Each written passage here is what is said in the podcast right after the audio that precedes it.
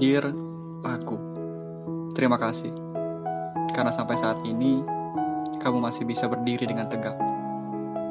Kamu luar biasa, mampu menutup telinga meski tanganmu penuh luka. Kamu adalah pribadi yang sangat kuat.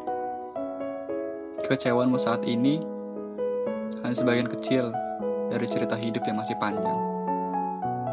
Jangan terlalu senang ketika tujuanmu sedikit demi sedikit tercapai. Dan juga jangan terlalu sedih ketika kenyataan tak berjalan sesuai harapanmu. Tak apa jika kamu merasakan begitu banyak rasa pedih. Juga tak apa jika semua orang meninggalkanmu. Karena aku, aku akan terus ada di sini untukmu.